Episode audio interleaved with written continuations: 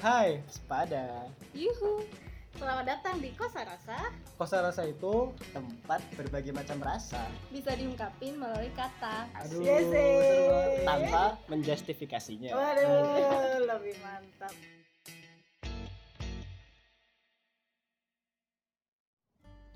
Halo guys, kembali lagi di Kosa Rasa Podcast. Nah, di episode hari ini yaitu bertemakan inspirasi.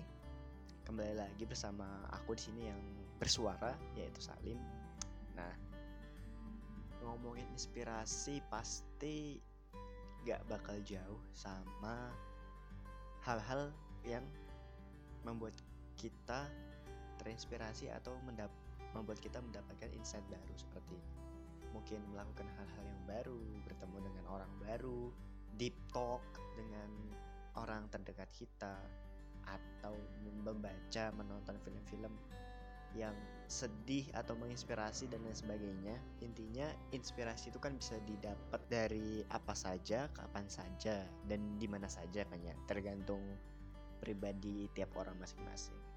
Nah, kalau berbicara kapan waktu yang paling menginspirasi atau kapan sih waktu yang paling banyak memberi kita insight baru, memberi solusi gitu lah istilah kita sekarang permasalahan, kita. Nah, kalau aku pribadi itu waktu yang paling tepat atau waktu yang paling banyak memberikan solusi-solusi atau ketika otak itu berjalan bekerja dengan baik dan lancar itu pas waktu dini hari. Karena suasana dini hari itu mendukung banget.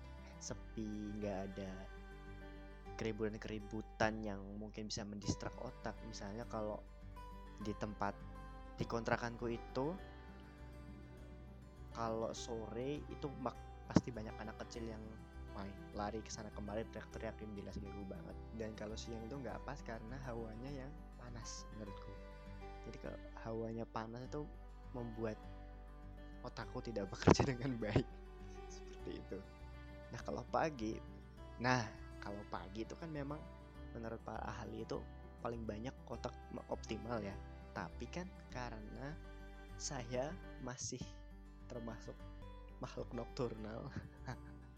Jadi pagi itu ya sebagai ganti malam jadi sebagai ganti tidur waktu tidur. Jadi ya saya tidak mendapatkan inspirasi di pagi. Ya mungkin memang tidak sehat ya. Hidup pola pola tidurku itu tidak sehat tapi sampai sekarang mau bagaimana lagi sih gitu. Kalau tadi iya sih aku nggak sehat tapi ya gimana ya? Susah kalau tidur cepet tuh ya.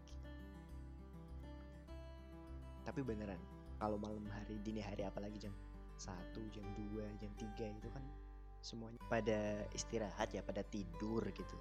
Nah di tengah-tengah keheningan alam semesta itu kayak otak tuh bisa bekerja dengan optimal nggak keganggu apa pun. Ya jadi banyak bermunculan ide-ide atau insight-insight yang membantu menyelesaikan permasalahan atau memberi inspirasi bagi ya karya-karyaku. Mungkin kayak podcast tulisan dan lain sebagainya. Kayak gitu. puisi. Nah itu sih waktu yang waktu yang sampai detik ini saat ini tuh waktu yang paling banyak memberikan inspirasi bagiku pribadi adalah waktu dini hari jam 1, 2, 3 Oh apa anjuran tahajud di sepertiga malam jam 2, 3, 4 itu? Banyak manfaatnya karena itu ya. Karena suasana malam itu mendukung untuk kita berpikir secara jernih gitu ya. Hmm, Bisa jadi sih. Makanya ada anjuran tahajud sepertiga malam itu mungkin itu ya. Ya tapi walaupun aku juga melaksanakannya sih kan karena tahajud itu kan harus tidur dulu ya. Sedangkan aku belum tidur kan. Nah gitu. Jadi itu kalau dari aku waktu yang tepat. Kalau objek inspirasi ya mungkin banyak sih. Tempat orang kejadian mungkin apa aja bisa jadi sumber inspirasi gitu. Nah kalau kalian kapan nih waktu kalian bisa berpikir dengan jernih